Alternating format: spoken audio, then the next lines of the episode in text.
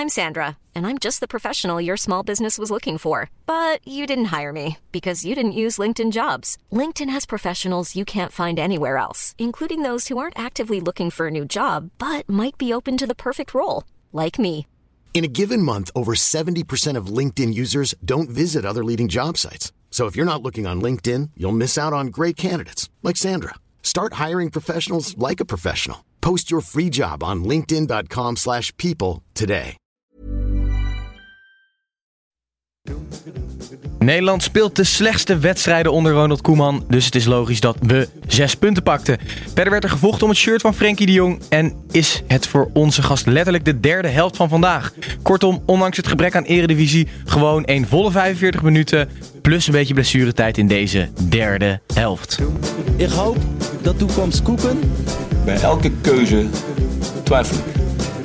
If Ona will fuck me, of course. Doe je leren bekleding, pak je een automaat. Ik ben wel even klaar met het uh, relatief voetbal.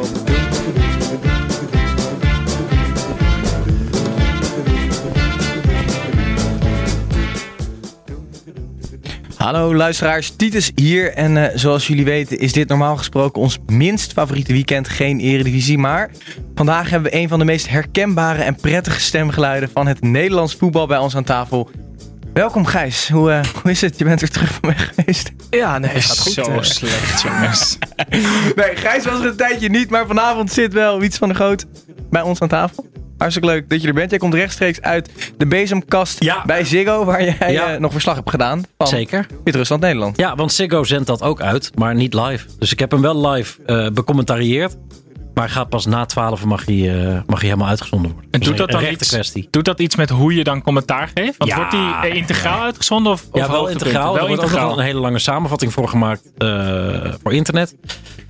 En, en er worden ook nog wel stukjes online geplaatst en zo, denk ik. Maar nee, ik bedoel, A, zit je op de tweede plek. Namelijk, iedereen kijkt toch wel naar de, naar de NOS. En B, wordt het pas nadat het allemaal is gebeurd uitgezonden. Dus je je weet zit gewoon dat totaal er- anders in, die, eh, in je rol dan. Hoeveel Ja. mensen luisteren er dan live mee met jou als jij dat commentaar één. geeft? Eén De audiotechnicus. Ja. nou, en de jongens boven die hem zitten te monteren. Ja, ja. Maar voor, eh, voor, de, voor de onwetende luisteraar, jij bent dus eh, voetbalcommentator, maar ook eh, acteur. Je was tweede ooit bij De Slimste Mens. ja, En eh, je bent natuurlijk Vincent uh, Schildkamp Stem lookalike. ja, dat, ja, raar is dat, hè? Vind, vind, je dat, vind jij dat raar? Eh, ja, want In ieder ik- geval niet leuk. Nou, ik vind, nou, nee, ik vind het wel leuk, want ik vind Vincent een uitstekende commentator. Alleen ik, ik hoor het niet. Krijg Ik je hoor meer- niet dat wij zo op elkaar lijken. Krijg je meer complimenten over je eigen wedstrijden of over die van Nou, dat, Vincent? dat scheelt niet veel meer tegenwoordig. Nee, er was een fase dat ik echt... Ik heb ook een keer getweet van... eh, Ik was weer fenomenaal goed vandaag. Vooral omdat Vincent Schild kan commentaar gaf. Ja. Heerlijk. Hey, we, hebben, eh, we hebben bij onze eh, luisteraars op social media ehm, uitgezet wat zij nou van jou wilden weten. Er zijn heel veel vragen eigenlijk binnengekomen. Ehm, Tom Duhemert die vraagt, eh, wat wil je nog leren als beginnend commentator? Beginnend tussen aanhalingstekens. Zeker. Ja. Ja, nee, maar ja, er voor zijn het- er voor genoeg het oude rotten in het. Ja. Nee, ja, jezus, ik moet nog zoveel leren. Ik bedoel, het, het- ja, nou, wat, wat ik wil leren is een wedstrijd foutloos eh, doorkomen. Heb je nog steeds altijd na Tuurlijk. elke wedstrijd eh, het idee, Ja. eh Ja, daar hadden een paar dingen veel beter er altijd wel één of twee momenten dat je denkt, dit is niet. eh, Ja, maar wat dat, wat dat betreft is het toch net een wedstrijd spelen. Ja, maar de dat, perfecte dat, wedstrijd bestaat gewoon niet. dat vergelijk maak ik ook heel vaak met mezelf. Weet Ja. je, ook, ook hoe je geconcentreerd aan een wedstrijd begint en toch een slippertje maakt. En soms eh, vind ik mezelf ook echt heel erg goed, maar maak ik één grote fout, waardoor ik meteen eh, eh, een kutavond heb gehad. Maar dit, dit sluit wel aan bij, bij, bij een andere vraag van, van Tim, die zelf vragen instuurt als hij er dus niet is. Ehm, die vraagt, kijk jij je eigen wedstrijden dan ook terug om dat te analyseren? de sleutelmomenten. Maar ik, ik, ik heb een redelijk goed geheugen als het gaat om mijn eigen uitspraken. Dus ik weet donders goed van mezelf wat er fout is gegaan en goed is gegaan. En wie is, jouw, wie is jouw grote voorbeeld waarvan jij denkt, dat Nou, gaat ik heb niet echt een voorbeeld. Ik vind wel, want ik, het is een beetje cliché, maar ik doe het op mijn manier. Ehm, maar ik vind wel, ik vind eh, eh, Schildkamp en, en, en Jeroen Elshoff eh, echt uitstekende commentatoren.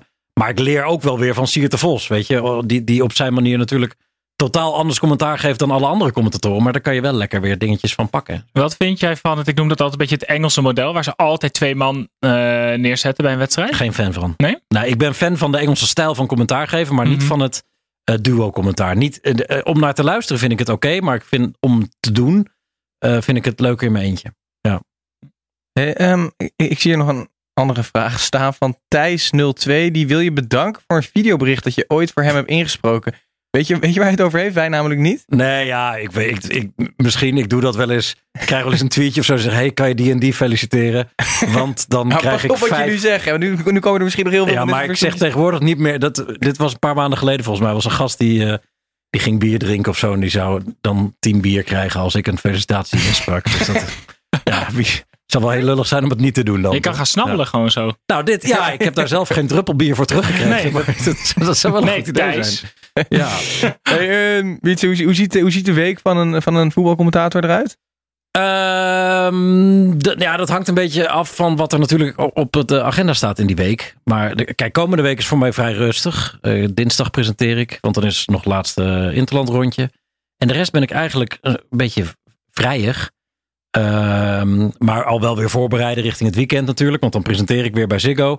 En de week daarop is Champions League. En, en dan ben ik echt knijterdruk. Want dan, ik vlieg op maandag al naar Turijn. Eh, dan ben ik daar dinsdag de hele dag met Juventus Lokomotief Moskou. Die we bij Veronica Ja. gaan uitzenden bezig. Eh, omdat er eigenlijk geen. Dat is een beetje jammer dat er. eh, Barcelona en Liverpool staan gelijk gepland. Met Ajax. de hele groepsfase. Dus dat, dat, dat eh, rooster op de andere dag is altijd een beetje dunnetjes. Dus ik ga naar Juventus Lokomotief Moskou. En dan op woensdag eh, moet ik al heel vroeg vliegen. eh, om het risico te vermijden dat ik geen commentaar kan geven bij Ajax Chelsea. Dus dan kom ik heel vroeg aan op Schiphol. Ga ik eerst nog een paar uur tukken en dan richting, richting Arena. Dit klinkt allemaal redelijk chaotisch. Maar, ja, dat is het ook wel. Die weken zijn wel echt chaotisch ook. Ja. maar ook wa- waarvoor je leeft als voetbalcommentator. Dat is fantastisch. Dat, Ja? zijn, dat zijn hele drukke, chaotische weken, maar ook hele leuke weken. Bij, vorige keer was ik op, op dinsdag bij eh, Juve Leverkusen. En dan moest ik op woensdag, ehm, dan moest ik daarna nog naar Milaan. In de file, dus ik kwam om half drie kwam ik pas aan in Milaan op Malpensa in mijn hotel. Ja. Een paar uurtjes stukken en dan 's ochtends door naar Valencia. En dan staat er een mannetje van de UEFA met een bord te wachten met Mr. Wietse van der Goot. En dan kom ik maar in de auto. Valencia, hotel. Dan wil je duizend dingen doen in die stad. Maar je moet nog even laatste dingetjes doornemen. Even een uurtje slapen nog. Dan naar Mestalla wandelen. Potje voetbal kijken. Het is topsport, hè? Het is in Nou deze ja, tijden Ja, ja. bijhouden. Niet optrainen, bijhouden. Ja, bijhouden. geen tijd meer om te trainen. Nee. Nee, nee, precies. Maar dan is het dus ook soms wel lekker om even in die bezemkast bij Ziggo te zitten op zondag. Gewoon lekker dicht bij huis. En, eh, Ja, ja, dat is eigenlijk wel prima. Ja. zeker. klinkt zo negatief. Maar eh, ehm, wij, eh, wij gaan het vanavond over iets minder wedstrijden dan normaal hebben. We gaan het voornamelijk over de twee wedstrijden van Nederland hebben afge- die afgelopen week gespeeld zijn. Kort rondje langs de velden maken van de andere ja, dingen die gebeurd zijn in het eh, internationale voetbal. Eh, we hebben even de Rayola's, ons, eh, ons eigen spelletje rondom de eredivisie. En, en natuurlijk wat, wat fan talk. Maar laten wij beginnen bij de wedstrijd die eigenlijk net is afgelopen. Wit-Rusland-Nederland. En dat werd eh 1 2. Wietse, volgens Koeman waren deze twee wedstrijden ehm, een nieuwe test voor het Nederlands elftal. Aangezien we twee keer achter elkaar de favoriet waren. Hoe hebben we deze testen volbracht volgens jou? Nou ja, cijfermatig natuurlijk een voldoende. Maar qua spel zwaar onvoldoende. Was het, eh, of in ieder geval, vond jij het eh, dusdanig slecht dat, dat het zorgelijk is? Nou, het vreemde is natuurlijk, je wint ze allebei. En je, dan zou je zorgen gaan maken van hoe dat dan moet als ze tegen een sterkere, eh, sterkere tegenstander spelen. Maar het punt is dat ze tegen sterkere tegenstanders juist wel weer heel goed kunnen voetballen. Dus ze hebben gewoon moeite met het afbreken van die muren. Eh Wijnaldum zei net tegen de NOS dat het toch ook wel, die gaf het gewoon toe, dat het een beetje gemakzucht was. Ja. En dat viel me wel heel erg op en tegen eh, tegelijk. Dat, dat dat er dan toch insluit bij een vrij jonge ploeg. Die als het goed is enorm hongerig is. Dat dan toch in Minsk. Natuurlijk is het een klote plek om te spelen. Het is een lastige ploeg. Maar dat die gemakzucht erin sluipt. Dat, dat moet niet mogen natuurlijk. Maar dat hoorde je ook al bij Koeman zelf. Hè, die tussen de wedstrijden in ook zei dat op de training ook niet altijd even best was. Ja. En dat hij, dat hij het zelf ook een beetje, beetje ja, arrogant eh, vond op de training. Eh, Er er zijn er toch genoeg die in die selectie volgens mij nog niet zeker zijn van hun basisplek. En zeker die jongens die nu tegen Wit-Rusland dan de kans kregen. Verbaast me dan toch dat die ook dan niet het verschil weten te maken in die wedstrijd. Misschien is het ook te moeilijk dan in zo'n ploeg. Als je een van die vier bent die dan nu mochten spelen. Ja, maar maar het laat- over Malen, Precies. Promes, Veldman en Van der Beek. Ja. eh, die de kans kregen. Eh, ik vond ze eigenlijk alle vier niet heel goed spelen. Ja, maar eh, noem mij eens iemand behalve Wijnaldum en die twee doelpunten die wel heel goed speelden. Eh, ja, dat is een goeie. Nee, ja. Dus, eh, misschien was het overal eh, over het algemeen eh, vrij gematigd. Maar la- laten we even de discussie aanzwengelen eh, omtrent de opstelling van het Nederlands elftal. Wat, wat, er, werd, er wordt nu wel het een en ander geprobeerd door Koeman. Mhm. Eh, je noemt net de vier wijzigingen. Wietse, wat, wat, wat- hoe zie jij ehm, tegen de tijd dat dat toernooi gaat beginnen? Als we ervan uitgaan dat we ons plaatsen, wat die ideale opstelling zou moeten zijn? Nou ja, kijk, vandaag werd maar weer duidelijk dat Van der Beek niet per se de oplossing is waardoor Oranje vloeiender gaat voetballen. In ieder geval niet tegen tegenstanders als deze. Eh, en en, en eh, met, met de Roon kwam er toch wat meer rust eh, op het middenveld. En je hebt met Wijnaldum en Frenkie de Jong al zoveel in huis op het middenveld. Dat misschien één pion die gewoon rust en balans brengt, eh, wel fijn is. Maar het leek tegen Ierland, ehm, leek het juist wel voor een soort... Noord-Ierland, hè? Ja, de fout wordt veel gemaakt. Ja. Ja. En die Ja, Russen worden dan met Noord-Ierland en Wit-Rusland. Ja, en dan heb je ook nog Macedonië die gewoon vandaag verandert. Dus dat is ook gewoon heel moeilijk dan. Ja, Ja. dat is kinderachtig. Nee, maar, Sorry, maar, Titus. maar, maar- nee, maar toen leek, eh, eh, leek Van der Beek wel nieuwe energie te geven aan, eh, aan het spel. Ja, maar dat was een andere situatie natuurlijk. Toen moest je. Ja. Toen- Nou ja, Maar- en dan brengt ja, maar- hij echt een hele andere dynamiek in hoe een wedstrijd al speelt. Dus dan kan Ja. je zeg maar de hele, eigenlijk de hele situatie in het veld door eens een speler in te brengen juist omgooien. Eh, waar vandaag dat eigenlijk andersom gebeurde. Want Nederland kreeg juist de eh, controle weer een beetje terug toen de Roon kwam. En ik moet zeggen, als ik sec moest kiezen tussen de Roon en Van de Beek, nou ja, dan ga je, gaan de meeste voetballiefhebbers voor Van de Beek. Alleen vandaag zag ik wel weer op het veld eh, ja, ik, ik zeg bijna helaas, maar dat een speler als de Roon zelfs tegen een Wit-Rusland ontzettend nuttig kan zijn.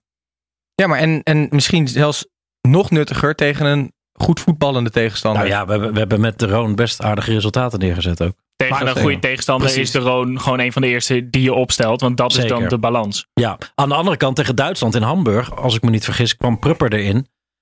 En dat is, dat is, eigenlijk is Prupper natuurlijk een soort van ideale Ja. Ja. eh, medium van de Beek, eh, medium de Roon. Dus Ja. als die fit is, is dat misschien wel mijn ideale pion. Goeie, Hm. vloeiende paser. eh, iemand die toch bij Vlagen ook wel wat meer diepgang heeft dan Ja. de Roon. Alleen Van der Beek dook eh, vanavond ook een paar keer heel goed op in de 16. Die lepelt Mhm. nog die bal op het dak. Ja. Je zag een paar loopacties dat Veldman ook nog zei: Sorry, het, het paste eventjes net niet. Als het te druk is, dan is de route naar Van der Beek die daar opduikt gewoon heel moeilijk te vinden af en toe. Ja. Helemaal als je niet de paas in de voeten hebt. eh, eh, eh, nou ja, Veldman heeft gewoon niet zo'n hele goede steekbal Nee. in huis. Dus dat werkte dan net niet. dat is echt het understatement van de eeuw. Nou ja. wel. Nee, maar ik denk dat Van der Beek ook slechter werkt met een spits als Malen eh, dan Ja. eh, bij een spits als Depay. Want Malen en Van der Beek maken gewoon, dat zag je ook, best wel vaak dezelfde loopactie. Mhm. Omdat ze allebei die diepte zoeken. En Van Ja. der Beek is natuurlijk perfect bij een, een Depay of ook bij, bij Ajax dan Tadic. Die in de bal komt, zodat ook dat gat van 10 meter, 15 meter erachter ontstaat. Dan is Ja. hij natuurlijk dodelijk. Maar ik vond de uitleg van Koeman van donderdag ook wel prima hoor. Die zegt: Ik denk in koppeltjes. Nou ja, we kunnen weinig tegen het koppel Wijnaldum Depay hebben momenteel, toch? Ja, dus als hij dat op die manier ziet, Ja. Ik, daar is niet zoveel tegen in te brengen. Maar je, je miste de paai vandaag. eh, en je miste hem ook echt. Want ik vond de voorste drie van Nederland, eh, Bergwijn, Promes, Malen, te veel van hetzelfde. Ja, Het zijn eens. allemaal, allemaal spelers die handig zijn, veel snelheid hebben. Maar in de kleine ruimte, in de combinatie, toch nog op een of andere manier iets tekort komen in mijn ogen. Vroeger had je heel erg een, een, een voorste drie die super complementair waren aan elkaar. Robben, Van Persie, Kuit, als we het even een paar jaar terug.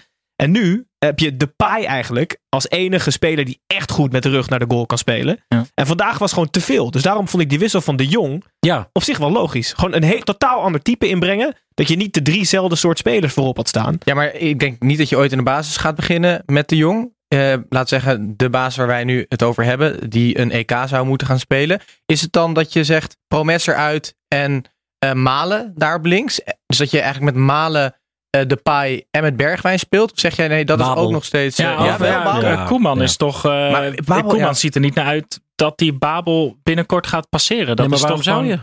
Ik bedoel, Babel is iemand die, die nog wel iets meer vanuit de discipline speelt Ja. dan, dan Bergwijn en Promes.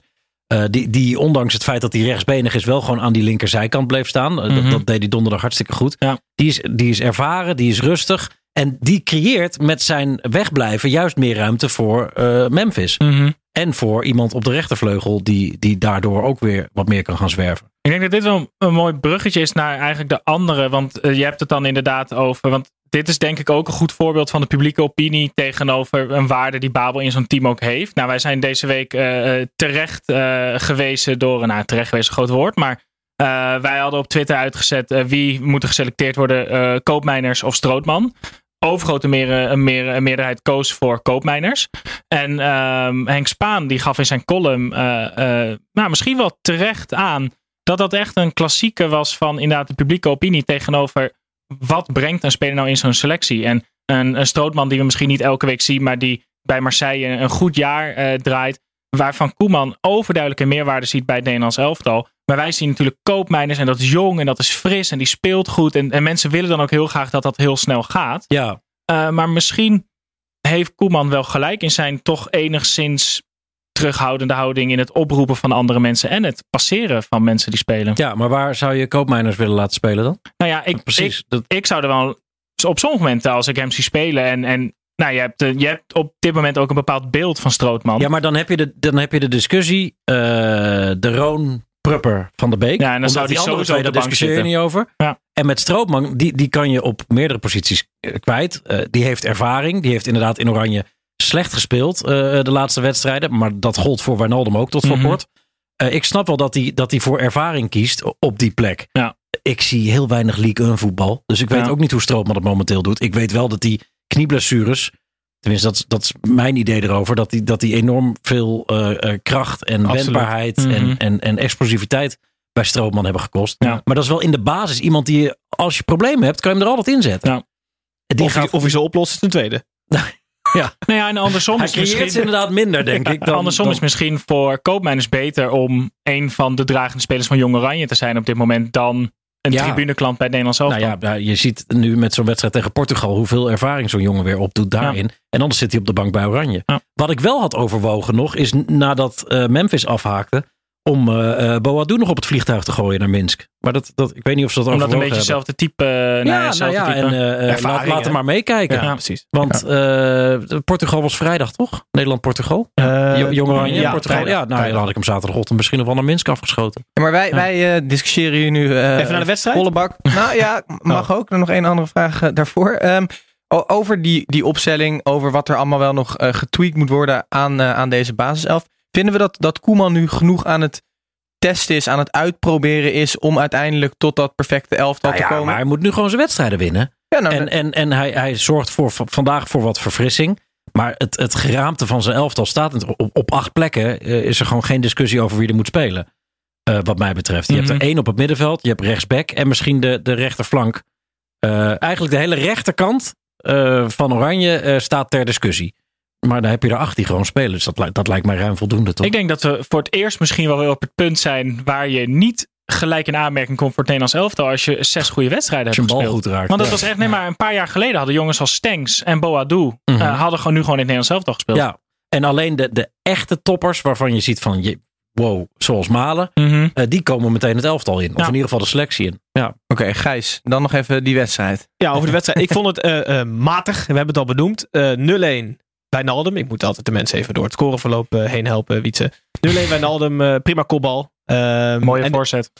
Ook mooi voorzet. 0-2. Genieten. 0-2 was echt een ouderwets alles of niets schot. Als je, als je ooit zelf gevoetbald hebt. En eh, je schiet heel hard met rechts. Waarbij je linkerbeen ook van de grond komt. Dan weet je dat je een ongelooflijk ongecontroleerde uithaal eh, eh, gedaan hebt. Maar hij vloog echt zalig in de bovenhoek. In het Vliegenmapperstadion, zoals het zo mooi heet. Ehm, en toen eh, ja, waren er eigenlijk nog wel wat kansen. Eh, en toen kwam die 1-2. Toch wel redelijk eh, rauw op ons dak. Ik ben heel even de naam kwijt van mijn favoriete Wit-Russische speler. Dragoon. Heel goed, Dragoen, dankjewel. Daarom zit je hier. Ehm, en daarna inderdaad die twee wissels dat, het, eh, dat de balans werd teruggebracht. V- Was het een... Kijk, je kan altijd twee kanten op met zo'n doelpunt. Was het een verdedigende fout van Frenkie de Jong die de man uit zijn rug liet lopen? Of was het gewoon een perfecte voorzet?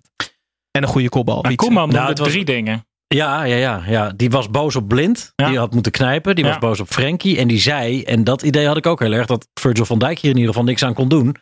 Want die stond tegenover twee man. Ja, en die zag pas heel erg laat naar wie die voorzet eigenlijk ging. Het was een hele goede voorzet. Mhm. Ik denk dat, dat Van Dijk hier eh, sowieso geen blaam treft. Van Dijk had gewoon zijn mannetje. En Ja. die had hij ook. Er stonden er opeens drie in de vijf. En hij zegt ook, je moet gewoon de 16 houden dan. Dus eh, het was een goede voorzet. Eh, maar slecht verdedigd. Ja, maar niet door Van Dijk. Dus Het- inderdaad door, door, door, door Frenkie en door, door Blind. Ja, want Eh. want dat is ook heel erg het samenspel. Want je ziet dan, je ziet, en dat zei eh, Koeman ook wel terecht. Frenkie dacht gewoon, oh, die bal zal misschien wel niet aankomen. Ja, en die gaat dat- een beetje gokken op. Mhm. hey, en dan wordt hij geblokt of hij komt terug en dan sta ik hier, gaan we, gaan we terug.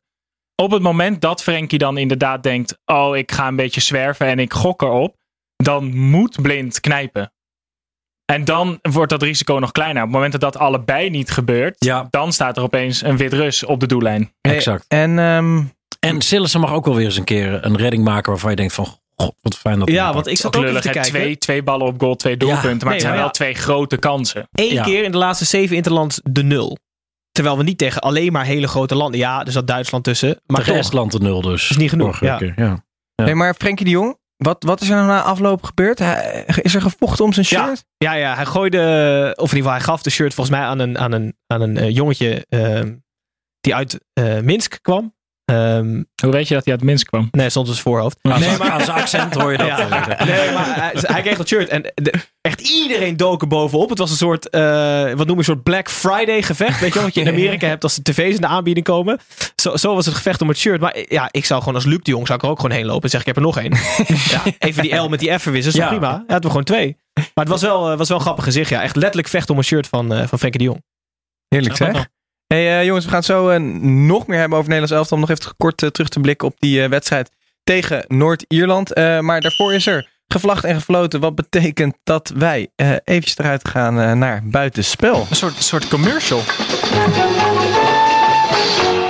Nou, uh, Snijboom, begin jij dan maar met het aftrappen van deze commercial. Wat heb jij voor ons meegenomen? Nou ja, ik, ik, eh, voor, de wedstrijd, voor de uitzending hadden we het er heel even over. Dus het is mijn buitenspel, maar het is ook eh, gedeeltelijk uh, Wietsen's buitenspel. Want we, ja, het, we kunnen het echt maar over één ding hebben, deze interlandbreak. En dat is uh, de, de, de, de wag fight in Engeland. Colleen Rooney tegen Rebecca Vardy.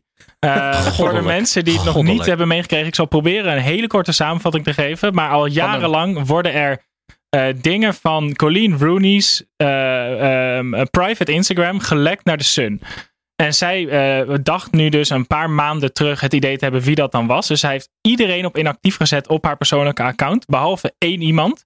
En heeft toen allemaal uh, verzonnen stories online gezet om te kijken of die dan bij de krant terechtkwamen. En al die stories, dat heeft ze allemaal gescreenshot, zijn dus allemaal bekeken door één iemand. En dat was Rebecca Vardy. Maar de tweet die Colleen Rooney online zette om dit te openbaren, was dus gewoon drie alinea's met beschuldigingen en hoe dat zich had gevorderd. En, en het was echt, het, het, het las als echt een, een, een roman. En de laatste zin was dan, and the account was dot dot dot Rebecca Vardy. En uh, de, de, de pers gaat ook helemaal los. Bij CNN Ze hebben het gewoon ze... niet meer over de brexit gehad. is fantastisch. Bij C- Het was zo goed. Bij CNN zeiden ze, de tweet, uh, vertaald, de tweet deed dienst als een 21, uh, het 21ste eeuws equivalent van de kogel die Frans Ferdinand doodde. het begin van de First Wag War. Het is zo'n fantastisch goed verhaal. En het leuke is dat die Engelse media daar dan ook zo goed raad mee weten. Zeg maar de kwaliteitsmedia. In The Guardian zijn er een paar fantastische columns over geschreven ook. En er wordt dan bloedserieus inderdaad. Ja, want Vardy volgt ook de twee journalisten van The Sun. En het, het was in al zijn totale onbelangrijkheid. Was het zo belangrijk. En dat maakt het. Ik, ik heb ervan gesmuld. Oh, en wat eh, de leuk, wel leuk om nog even door die drie dingen heen te Die drie main things die dan op die Instagram waren. Uh, de gender selection in Mexico. dat was Colleen Rooney en Wayne Rooney hebben vier zoons. En Ja. ze had dus een verhaal verzonnen dat ze voor 8000 pond in uh, Mexico ging kijken naar techniek om, uh, om, om gegarandeerd een meisje te krijgen. Het tweede was dat ze een comeback op tv ging maken. En het derde, dat was de mooiste, was uh, dat er huis overstroomd was, de kelder. Ja. maar moet je je voorstellen dat ze dit heeft zitten verzinnen. Gewoon. Dat met een vooral- manager of zo, of met Wayne. Dat de Sun dus ook gewoon een artikel schrijft over dat er lekkage was in de kelder Ja. van Colleen Rooney. Ja, Niet normaal, Geweldig. niet normaal. Gijs, heb jij net zo'n eh eh, roddelachtige... Nee, dit is zeker geen roddel, jongens. Ehm, het is eigenlijk naar buiten gekomen waarom Petr Cech die helm op had, helm op, eh, op had zo lang. Heb je het gevolgd? Dat, hij- dat hij gaat ijshockey Ja, eh, nee, nou Ja. sterker. Petr Cech, eh, keeper geweest van Arsenal en Chelsea. 494 duels voor Chelsea, 139 voor Arsenal. De laatste waren wat minder. Heeft zijn debuut gemaakt voor Guildford Phoenix. eh, het ijshockeyteam op het eh, vierde niveau in Engeland. Is hij dan daar ook keeper? Zeker. Sterker nog, eh, zijn debuut was tegen de Swindon Wildcats. Eh, de derby, wie kent het niet? De. Ehm, de, wedstrijd eindigde, de wedstrijd eindigde in een gelijkspel. Na overtime, zoals zo mooi in ijshockey eh, gebeurde. Werd er ook niet gescoord. Shootout. eraan te, pas. eh, te pas. Ehm, man of the match. Peter Tsjech. Ja, stond er. Hoe slecht hij ook was. Ja, top. Maar dit wordt, dit wordt ehm, hoewel het een superleuk feitje is, wel wat groter gemaakt dan het is. Want ik zag dat ze bij DWDD ermee openden en het gingen vergelijken met Michael Jordan die, eh die ging ja. Van Basten die ging golfen. Maar dit is inderdaad dus op, op het vierde niveau. Dus Ja, dat is hetzelfde ja. als dat ik laatst toen ik in Nicosia was, eh, Mark Overmars en Van der Sar tegen elkaar zag tennissen. Gewoon een hobby. Ik, ik vind het sowieso... dat je buitenspel dan? Eh, Gaan, nee. ze, gaan ze een toernooi meedoen? Dubbeltje misschien? Nee, Nee, dit, hoor, maar heeft- dit, heeft, dit niet. heeft Nee, hij maar gezien nee, op de persoonlijke graag- Instagram van Mark Overmars. Nee, ik ga in, eh in Snijboons buitenspelmoment mee, want dat heeft mijn hele week goed gemaakt. ik vond het echt het allerleukste wat er op Twitter is gebeurd in jaren. Ja, Ik heb me echt kapot gelachen de hele week. echt goed. Mooi zeg. Jongens, we gaan het gewoon weer over voetbal hebben en over Nederland. Want we speelden ook nog een wedstrijd tegen eh, Noord-Ierland. Eh 3-1 uiteindelijk. Na volgens mij een vrij saaie eerste helft, maar een spetterend eh, einde. Snijboon, eh, vele mensen zeggen dat het inmiddels geen geluk meer is. Deel jij die mening? Ehm, ze spelen wel ontzettend sterke slotfases. Ik denk dat een deel daarvan wel ook echt vertrouwen is. Maar eh, tegen Noord-Ierland. Eh, ja, het, het kon ook echt niet slechter dan de eerste helft. Laten we, eh, laten we daarmee beginnen. Want dat was echt, echt dramatisch. Nou ja, dan gaat de eerste bal die in de buurt van de goal komt, is gelijk een doelpunt. Eh, en dan. Ja, dan gaan ze natuurlijk gewoon echt, echt een muur. Gewoon, nou ja, die, die- ze zijn daar bang voor die buitengrens. Maar die- echt, er komt, ge- er komt, backstop, komt ja. geen muisje doorheen daar. En als die dan valt, en dat is, ja, dat is de, de, het briljante van Depay. Die kan een hele wedstrijd onzichtbaar zijn. Maar die goal pure klasse. Want die bal was echt niet makkelijk. En die ligt gewoon doodstil aan zijn voet. En vervolgens heeft hij gewoon de tegenwoordigheid van geest om met zijn punt de goede hoek te kiezen. En volgens mij gewoon bewust hem door de benen van de verdediger te spelen. En dat breekt die wedstrijd dan helemaal open. Ehm, Ja, ik, ik vond het wel interessant eh, dat we 1-0 achterkwamen. Mhm. jij, jij, jij geeft het net aan. Eh, onder Koeman hebben we 17 duels gespeeld inmiddels. En 12 daarvan eh, scoorde de tegenstander de, de eerste goal. Ja. Ehm, en toen had je weer het verhaal van eh, de gouden vallers van meneer Koeman. Ehm, want voor zijn wissels krijgen wij ehm 12 doelpunten tegen en scoren we er ook 12.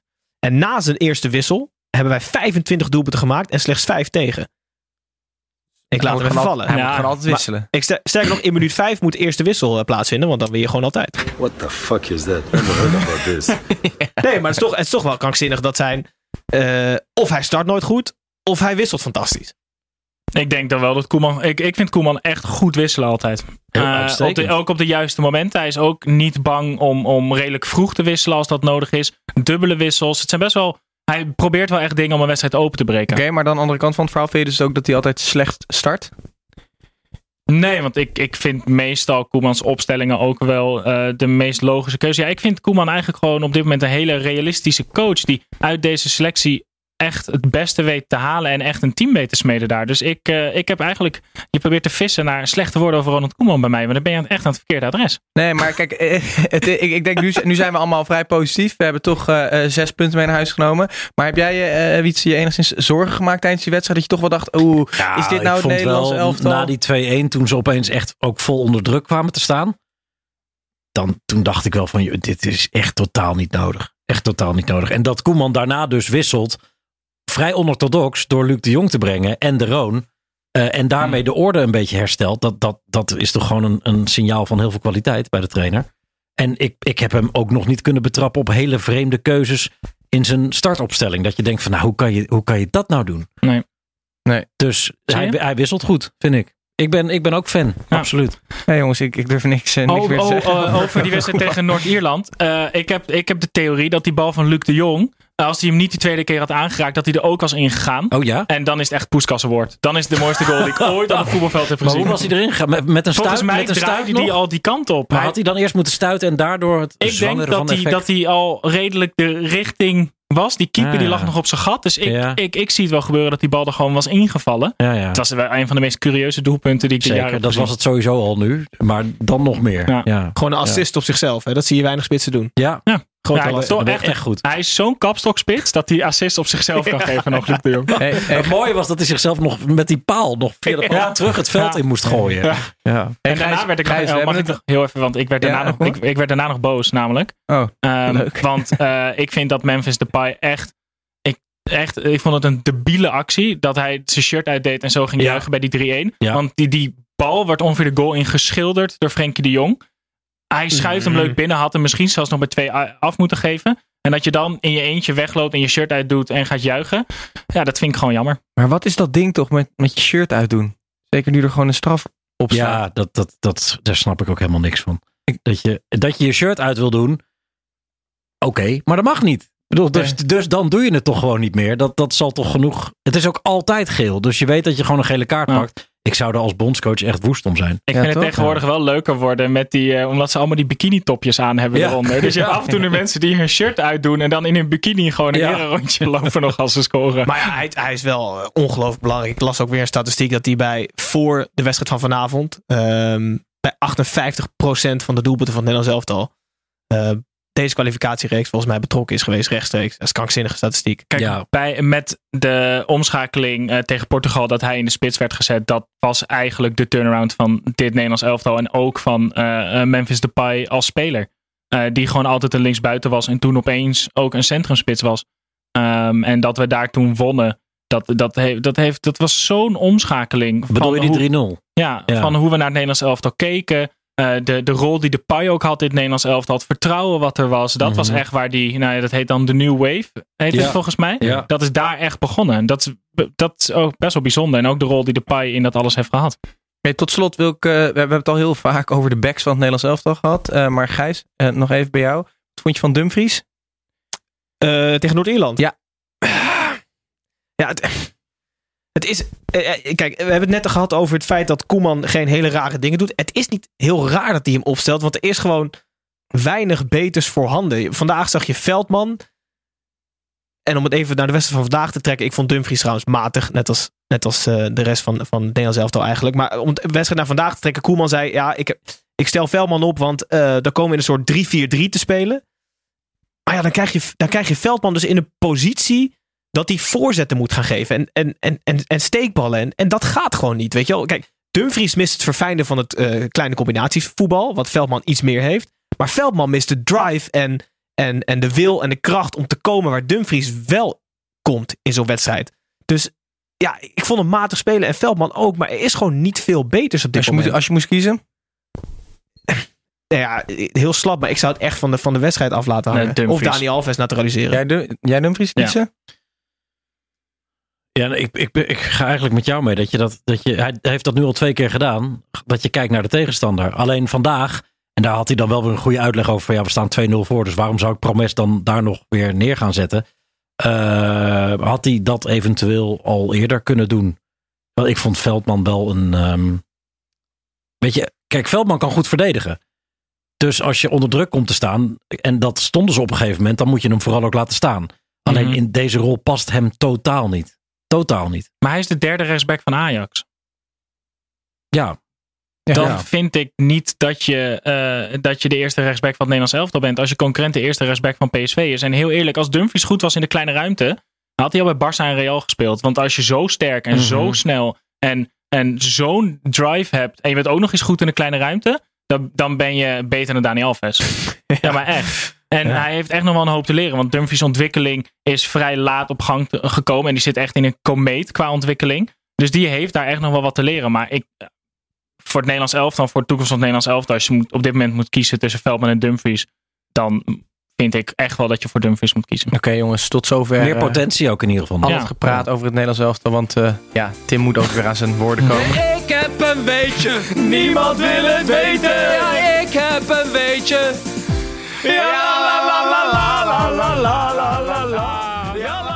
Ja, Wietse, wij hebben ook altijd een eh, weetje wat je niet wil weten. Of in ieder geval, wij luisteren daar altijd noodgedwongen naar. En eh, Tim, die er nu niet is, neemt dat altijd mee. En als hij dan een keertje er ehm, niet is, dan weet hij het ook nog altijd even in te spreken. Dus eh, we gaan luisteren wat hij te zeggen heeft.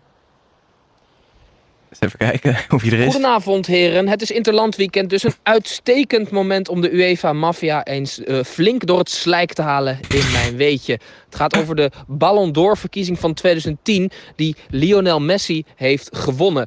Maar Lionel Messi had hem nooit mogen winnen, want Xavi Hernandez had officieel de winnaar moeten zijn. Hoe kwam dat nou? Eh Xavi Hernandez had een fantastisch jaar. Net als Xabi Alonso, ehm, een, een andere eh, Spaanse middenvelder. En heel veel eh, mensen hadden gestemd op Xavi Hernandez. Maar de UEFA-maffia hadden die stemmen aan Xabi Alonso toegekend. En pas achteraf hadden heel veel mensen, die kregen dat door. En die hadden gezegd van onze stem was eigenlijk voor Xavi Hernandez bedoeld. En als de stemmen van Xabi Alonso naar Xavi Hernandez waren doorgeschoven, begrijpt u het nog, had Xavi Hernandez met ruime voorsprong de Ballon d'Or moeten winnen. Dus wij vergeten nooit dat UEFA Mafia een mafioze praktijk is. De groeten. Mooi om even toe te voegen. Hij appte me vlak nadat hij het opstuurde. Gijs, neem het even voor me op na mijn weetje. En dan zegt hij, ik bedenk me net dat ik FIFA bedoel, maar UEFA zeg. Dus hij bedoelt, het is natuurlijk de FIFA-ballen door. Ehm, Maar ehm, als hij niet voor Messi was dat jaar, had hij toch gewoon voor Wesley Sneijder moeten zijn? 2010 hebben we het over, Ja. toch? Ja. Ja, Dat was, was hij tweede in die verkiezing toen, Snijder? denk het wel. Ja, maar zoveel stemmers zijn er dus naar Xabi Alonso gegaan. nee, maar dat was, ja, dat was, maar dat is wel ook ja, heel realistisch. De afgelopen 15 jaar had hij natuurlijk altijd naar Messi en Ronaldo moeten gaan als je puur gaat kijken naar wie was de beste voetballer. Tuurlijk. Eh, maar dat is heel zuur ook. Dus willen we ook heel graag dat af en toe iemand anders hem wint. En in 2010 had Sneijder hem makkelijk kunnen winnen. Want die Ja. had toen dat jaar met Inter, die won de treble. Dat was de spelmaker van dat moment. Eh, dus wij wilden allemaal heel graag dat hij die prijs won. Kunnen we niet gewoon eh, een regel indienen als je hem één keer gewonnen hebt, mag je nooit meer meedoen? Ja, drie keer winnen is doorgeven, toch? Ja. Of zo? Nee, Of dat, dat- je, dat je op een gegeven moment dus ook Ger Zende en zo krijgt. Weet je wel? Dat alle spelers op zijn. Dat is toch heerlijk? Hoeveel mensen moeten er winnen voordat Ger Sende de Ballon d'Or nu nog wint? Ja, ik denk wel veel. Hey, hey, jongens, ehm, laten wij het even Hey, over de nog even de één ding over hebben. trouwens. Sorry. Oh, nee, ga door. Nee, die zou vandaag bij de afscheidswedstrijd van Rafael van der Vaart Ja. aanwezig zijn. Maar hij was er niet.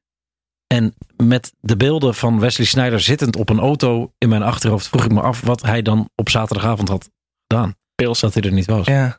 Echt helemaal eraan waarschijnlijk. Ik weet, ik weet het niet. Maar misschien was hij ook wel gewoon geblesseerd. Maar nou, ik heb hem helemaal niet gezien ook. Hoe heet het ook weer in Hamburg? De eh, Reperbaan. Reperbaan? Reperbaantje. Goed, ja, die, die is daar Ja. gewoon even blijven hangen, denk ik. Maar ja, wie weet. Ik vroeg me af waar die was. Ja. Hij schittert inderdaad door afwezigheid. Hij is natuurlijk beste vriend, of in ieder geval hele goede vrienden van, van in, in het vak. Ja. Ik heb wel die wedstrijd gekeken trouwens, wel genoten. hoor. Ik ook. Ja, Heel- leuk, man. stiekem ook wel Ja. genoten. Van Persie. Ja. nou, ik vooral van Nistelrooy. Die is echt nog wel een paar jaar ouder dan de rest. Ja, ja. Die is zo, zo verschrikkelijk fit nog, die man. Dat slaat helemaal nergens op. En ehm, over Wesley Sneijder gesproken. En, en, en eh, eh, 2010. Op een gegeven moment geeft Van der Vaart een bal op Robben. Die één op één ja. met de keeper komt. Waar ik een van de hele bizarre flashback kreeg. van hoezo loopt hij nu opeens wel op de keeper helemaal erin te schuiven. Een switch op je rug. kortsluiting in mijn hoofd. Zo, Gast, wat doe je? Oh, Waarom doe je het nu wel? Iets andere keeper was het wel. Ja, ietsjes, ja. Ehm, Verdomme. Jongens, eh, gezien we vandaag niet eh, negen eredivisiewedstrijdjes hoeven te behandelen, hebben we even tijd om eh, de tussenstand door te nemen van de Rayola's. Kent u Mino Raiola? Heeft inmiddels meer euro's verdiend dan die hersencellen heeft. Zo'n dik hoofd, past niet eens in zijn eigen pizzaoven. Die naam kunt u verder vergeten. Zijn dit die momenten waarop je denkt, eh, ik kan ook veel versierd liggen? Nou ja, nee, dit kan alleen Siert maken. Maar het is toch goed, hè? Zo geniaal. Mooi, man. Ja. Ehm, eh, even kijken.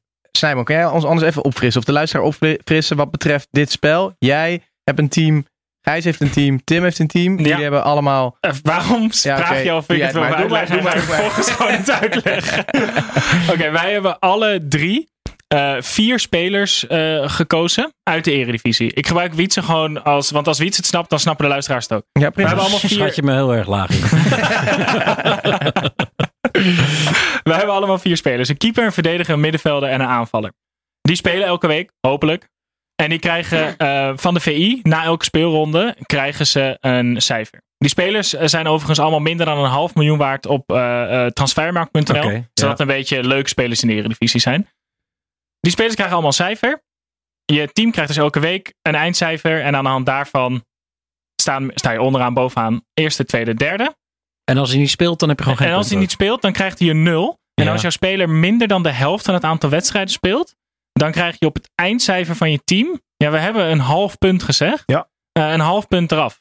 Oh, oké. Ehm, dat is vrij problematisch. eh, want Tim en ik hebben allebei een speler die eh, niet veel speelt. Ik heb Jordi Bruin van Herenveen. Ja. Die begon fantastisch. Totdat Herenveen besloot om nog twee centrale middenvelders te halen. Wanneer hebben jullie dit gekozen? Eh, na de eerste speelronde. Oké, ja. Eh, en eh, Tim heeft eh, Lonwijk van Utrecht. Eh, die speelde één wedstrijd. Die kreeg 4,5. En die heeft daarna geen minuut meer gespeeld ongeveer. Ja, jammer. Maar, maar geef ons even, geef ons even een update. Eh, wie, Nou ja. wie staat er eerste nu? Eh, Gijs. Gijs staat eerste Gijs met zijn staat team eerste. vol Spartanen. Gijs heeft drie Spartanen. Die heeft Tim Koremans, Brian Smeets en Ragnar Agge.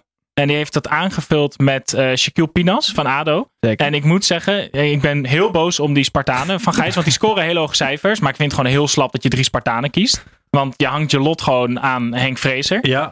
Eh Shaquille Pinas vind ik de verrassing tot nu toe van de Rayola's. Want die scoort ontzettend goed centraal achterin bij ADO. En je gaat dus ook hierdoor op hem letten hoe die speelt. Is gewoon echt een hele goede centrale verdediger. Dankjewel, Snijbo. Eh, g- de cijfers heb ik niet bij de hand en Ik heb jullie ze wel. bij de hand. Zal ik even de, snel even de top 3 langs? Ehm, Kom maar. Op 3. De hand van Tim. eh, met gemiddeld een 5,6. Op 2. FC Snijboon. ehm 5,8. En op, dan heb je heel lang niks. En dan op Dat is 1. Zo'n lul. Five Guys met een eh, ruim voldoende 6,4. Dus ik ga nog steeds ruim aan kop. Dankjewel. Oké. Nou, jongens, eh voor mij moeten we dit ook vooral visueel maken voor de luisteraars. Dus eh, kan je dit aankomende week weer terugvinden op de social media. Waarin je een prachtige mooie top 3 ziet, inclusief cijfers. Ja, en Eh, even een vraag aan eh, ja? VI of ze Kiersbaum even iets hogere cijfers willen geven. Want die jongen die keept echt die kan, keept de bal uit zijn broek bij VVV en die wordt echt niet op waarde geschat. Wie ik. geeft die cijfers eigenlijk? Ja, dat weet ik niet. Ik Nee. denk ook niet dat ze dat. eh, ja, dat, dat, wordt, oor- dat wordt oorlog als Ja. ze dat eh, toegeven. Ja, dat snap ik helemaal. eh, Maar als Sparta verlies krijgen ze alsnog een 7. Oké, genoeg over de Rayola's. Eh, rondje langs het velden. Er zijn eh, nog heel veel andere zaken gebeurd. Of in ieder geval heel veel andere wedstrijdjes gespeeld. Om te beginnen bij jou, Gijs. Ja. Heb jij wat eh, leuks? Eh, twee dingen. Ehm, België is geplaatst en Italië is geplaatst. Gefeliciteerd en eh gratulazione. Nou, ik weet niet wat het It- Italiaans is. Maar goed, eh, België speelde vanavond nog eh, om des keizers baard. Ze wonnen 0-2. Eh Mitch Batshuayi scoorde een doelpunt en vierde dat met zijn Spongebob onderbroek. Dat was mijn hoogtepunt. En, eh, Nee, maar die goal van Meunier, heb je die? Dat was een goede goal. Ja, ja, die paas was schitterend Ja, ja. Ja. en eh, Frankrijk won bij IJsland met 0-1, waar ook de lookalike vandaan komt, Titus.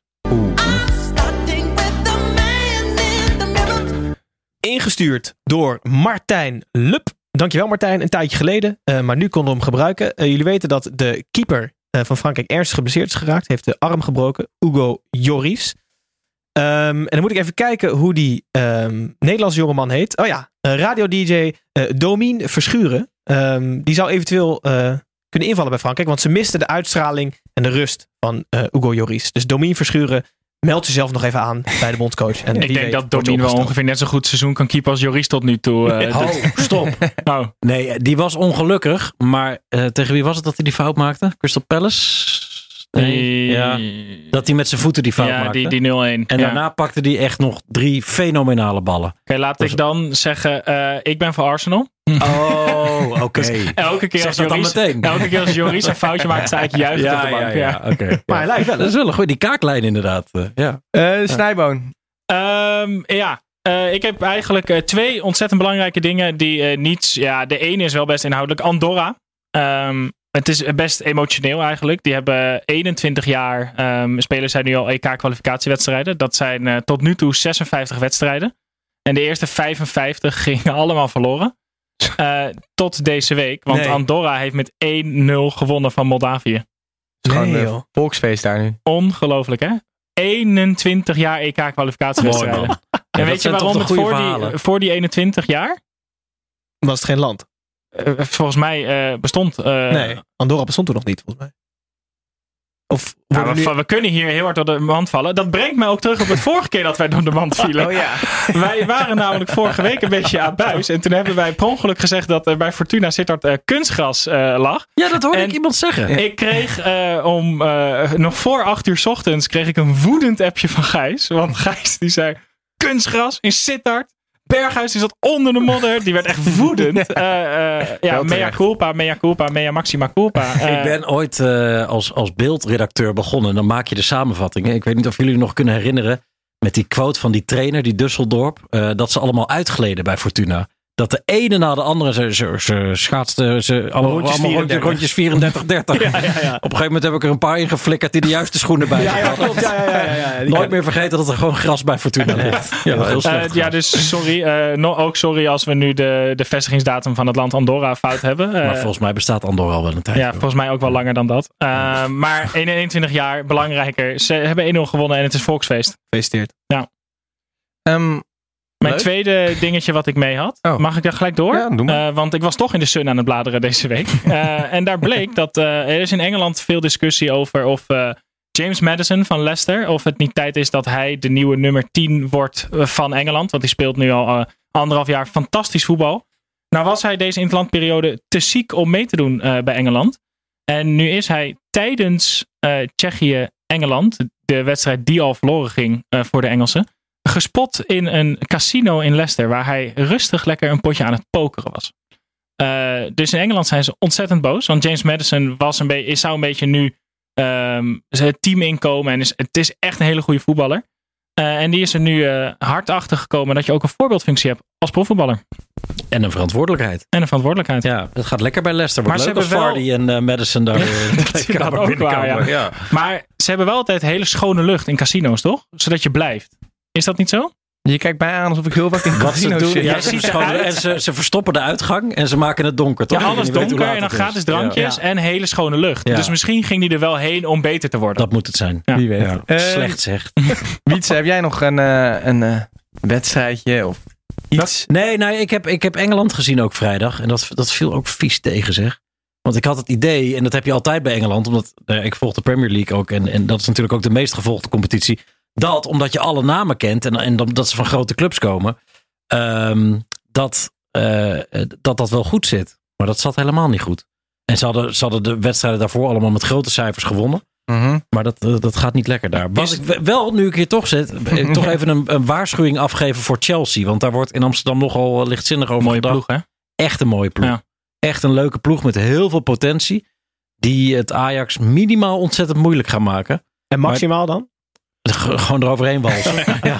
Nee, maar die hebben echt die, hebben die twee jongens die eh, bij Lampard bij Derby speelden. Ja. Tammy Abraham en Mount. Mount. Mount? Nee, Abraham Nee, zat niet bij Derby. eh, Tomori Ja, zat Tamori, daar. die bedoel ik. Ja, Ja. die centrale verdediger. Mhm. En Mount, die, Ja. die was bij Vitesse al heel goed en is nu echt nog Ja. veel beter. En Ja. Tammy Abraham die doorbreekt. Ja, Chelsea is echt een leuke ploeg. Welke, welke pot had jij nou, eh, moest jij vorige week nou eh, doen? Wat vertelde je nou? Wit-Rusland-Estland? Ja, die heb ik donderdag gedaan. Of Hoe is dat? Zo'n Ja. wedstrijd. Nou ja, kijk, ik vind mijn werk echt superleuk. En daar is alles mee gezegd. Kijk, soms, is som- ik heb de luxe dat ik heel soms kan kiezen. En Dat, dat dan eh, degene die, die de indeling maakt zegt van nou, welk potje zou je willen doen. En toen zag ik A, dat ik Wit-Rusland eh, Nederland zou doen op zondag. En B, dat als ik Wit-Rusland-Estland zou kiezen op donderdag, dat ik dan ook daarna meteen Nederland-Noord-Ierland zou kunnen kijken. Dus ik had eigenlijk een mes dat aan twee kanten sneed. Alleen ik werd wel gestraft door een 0-0. Het was echt, ik heb nog nooit zo vaak naar de klok gekeken. Dat je op een gegeven moment denkt, 33 minuten. ik heb het idee dat ik, Ik zit hier al twee dagen. net maal zit. Alright. Hey, Ja. eh, jongens, eh, wij eh, sluiten af altijd met eh Fan Talk, waar we altijd wat leuke vragen krijgen van eh, onze luisteraars. Hallo fans, wie gaat er zinnen? Hier is Tom. Ehm, David VVB11, die wil weten eh, wat wij van de nieuwe eh, Champions League vinden. Snijbo? De nieuwe Champions League. Ja, dat, Nou, ik denk het Dat- derde toernooi. Oh, dat derde toch? toernooi. Ja, dat derde toernooi. eh, dat, het, het voelt een beetje als een soort eh Intertoto Cup on steroids. Eh, maar er wordt nu. ik- Ze denken echt dat we nog meer tijd vrij kunnen maken om voetbal te kijken. Ehm, want er komt een derde Europees toernooi. En dat is dan bedoeld zodat nog meer teams kunnen voelen hoe het is om Europees te spelen. Maar volgens mij komen daar wedstrijden in. Die wil je gewoon niet zien. Nee. Die komen op tijden dat er ook andere wedstrijden zijn die dan misschien niet uitgezonden worden. Je krijgt, ja, ik, ik zie er echt de meerwaarde niet van in. Want in de Europa League zijn dan zoveel potjes die nergens op slaan. Ik snap niet waarom je daar nog een derde toernooi. Ze hadden de, de Cup Winners Cup lekker eh, terug moeten brengen. Ja, gewoon Al echt. spelen die meestal natuurlijk gewoon Champions League voetbal. Ja. Maar die Ja. Europa Conference League, nee, ik zie het ook Ja. niet echt. Maar ja, het, enige, het enige is die verschuiving. Kijk, je hebt het, eh, natuurlijk die gesprekken over de Super League, de European Super League, die dan alle competities zou overstijgen. Die verschuiving begint wel langzaam te komen, aangezien het programma van de nationale competities moet wijken voor de internationale competities nu al. Dus als het, hoe meer internationale wedstrijden er komen, hoe meer geliefde eredivisiewedstrijden zullen moeten wijken. Dus ik denk dat er misschien wel voorsorteren is op. Dat zou kunnen. Op een echt alleen maar internationaal voetbal. Nou ja, ze, ze willen ehm, het misschien om gaan draaien. Hè? Dus Champions League in het In het weekend, weekend, spelen. ja. En dan Ja. door de week clubvoetbal. Ja. Zonde. Ja, ik vind dat wel echt zonde. Eh, we, we sluiten ook altijd af eh, met, een, eh, met een standaardvraag voor onze gast. eh, namelijk wie jij eh, nog ons zou aanraden om hier een keer aan te schuiven. Wie zou jij leuk vinden om naar te luisteren Vraag bij zie het een keer. Vraag zie het een keer. Dat, Ja? dat zou leuk kunnen zijn. Ja. Denk, denk je dat hij dat leuk vindt? Da- dat weet ik niet. maar ik stond toevallig vandaag weer eventjes met... We lopen elkaar vaak mis, maar ik stond vandaag weer even met hem te praten. En het is altijd, altijd leuk en informatief. En altijd nog wel een leuk verhaal ergens. Precies. Probeer zie het een keer. Ik zie nummer wel niet altijd. ik zie hem altijd voor me als dat hij in het echt net zo enthousiast is als in dat hok. Is dat ook zo? Soms wel. Ja, en soms ook niet. Maar eh, ja, nee, Siert is een fantastische verteller. Dus die kan je heel goed hebben, denk ik. Ja, mooi zeg. Nou jongens, dat was hem dan weer Ook voor over vandaag. FIFA. Oh ja. Ja, dat weet je, daar kan hij ook leuk over vertellen. Ja, misschien, misschien Dan helpt het, en, dan en helpt het niet dat wij al een jaar lang FIFA Mafia roepen elke uitzending. Ja, Nee, hij bedoelt het spel. FIFA. Hij bedoelt het spel. Ja. Ehm, jongens, in ieder geval was dit het weer. Eh Interland weekend achter de rug. Volgende week eh, gewoon weer Eredivisie. En dan ruilen we Wietse in voor eh Fresia. Die er weer voor de tweede keer alweer aanschuift. Eindelijk weer een vrouw. Lang geleden. Ehm, nou, tot In de zover. show of buiten de show? Volgens Wietse de op één na beste vrouwelijke medewerkster van Fox. Eh, omdat ik Helene koos. Ja, maar dat. Oké, mooi dat je me de kans geeft om Ja. het eventjes Ja, nee, eh, wat ja, meer uit te leggen. Nee, ik, ben, ik heb ook twee jaar bij Fox gewerkt. En ik heb daar een programma gepresenteerd. Eh, Fox Sports Centraal heette dat. was een soort Fox, Fox, Fox Sports vandaag. Maar toen dan op de open zender Fox was dat. En dat was drie keer op een avond. En dat, heb ik, dat deed ik met Helene. Dus ik heb heel veel tijd met haar doorgebracht. En ik mag haar enorm graag. En ik vind Freesia een gigantisch groot talent. Als je mij laat kiezen, kies ik voor Helene. Duidelijk. Niets ten nadele. Jongens, dit was het voor deze week. Tot volgende week.